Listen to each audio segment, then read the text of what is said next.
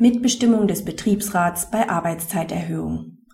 Eine Arbeitszeiterhöhung ist dann eine mitbestimmungspflichtige Einstellung nach 99 Betriebsverfassungsgesetz, wenn sie für mehr als einen Monat vorgesehen ist und mindestens zehn Stunden pro Woche beträgt. Der Arbeitgeber stellt eine Teilzeitmitarbeiterin als Verkäuferin ein. Die Arbeitszeit beträgt bei Vertragsschluss 20 Wochenstunden. Der bestehende Betriebsrat stimmt der beabsichtigten Einstellung zu.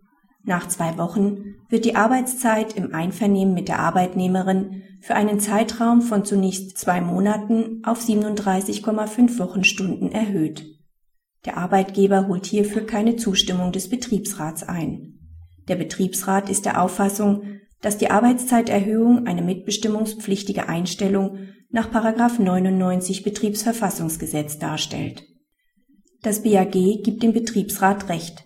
Nach der bisherigen Rechtsprechung des Gerichts liegt in einer nach Dauer und Umfang nicht unerheblichen Erhöhung der regelmäßigen wöchentlichen Arbeitszeit eines Arbeitnehmers eine Einstellung im Sinne von 99 Absatz 1 Satz 1 Betriebsverfassungsgesetz. Wann von einer erheblichen Erhöhung auszugehen ist, hat die Rechtsprechung bislang nicht abschließend präzisiert. Das Mitbestimmungsrecht des Betriebsrats dient insbesondere den Interessen der schon beschäftigten Arbeitnehmer. Diese sind berührt, wenn der Umfang der vereinbarten regelmäßigen Arbeitszeit eines Teilzeitbeschäftigten Mitarbeiters nicht unbedeutend erhöht werden soll. Bei einer solchen Erhöhung des Arbeitsvolumens werden regelmäßig dieselben mitbestimmungsrechtlichen Fragen aufgeworfen wie bei der Ersteinstellung. Sie bedürfen dann einer erneuten Beurteilung durch den Betriebsrat.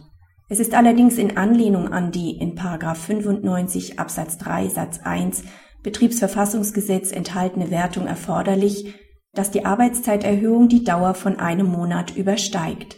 Zusätzlich muss es sich auch quantitativ um eine nicht nur unerhebliche Erhöhung der Arbeitszeit handeln.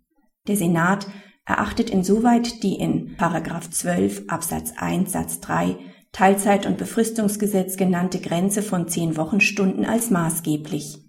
Eine absolute Grenzziehung ist im vorliegenden Fall sachgerechter als eine prozentuale, denn letztere wäre zumindest bei niedrigen Ausgangswerten nicht angemessen. Mit der Regelung in 12 Absatz 1 Satz 3 Teilzeit- und Befristungsgesetz gibt der Gesetzgeber zu erkennen, dass er eine wöchentliche Arbeitszeit von zehn Stunden im Regelfall als interessengerechtes zeitliches Minimum für eine Teilzeitbeschäftigung ansieht. Ab einem Arbeitsplatzvolumen von zehn Wochenstunden kommt bei typisierender Betrachtung die Einrichtung eines Teilzeitarbeitsplatzes ernsthaft in Betracht. Somit sind die Belange der Belegschaft des Betriebs erkennbar berührt sofern die Arbeitszeit eines einzelnen Arbeitnehmers in diesem Umfang für die Dauer von mehr als einem Monat erhöht wird. Praxishinweis Die vom BAG vorgenommene Präzisierung seiner bisherigen Rechtsprechung ist im Grundsatz zu begrüßen. Die Anknüpfung an 12 Teilzeit- und Befristungsgesetz sowie das darin bestimmte Mindestkontingent von zehn Stunden ist zwar nicht zwingend, die mit der Entscheidung verbundene Rechtssicherheit wiegt die Nachteile ihrer etwas konstruierten Begründung aber vollständig auf. Unternehmen und Betriebsräte erhalten mit dem Urteil erfreuliche Planungssicherheit im Hinblick auf den Umfang des Mitbestimmungsrechts nach 99 Betriebsverfassungsgesetz.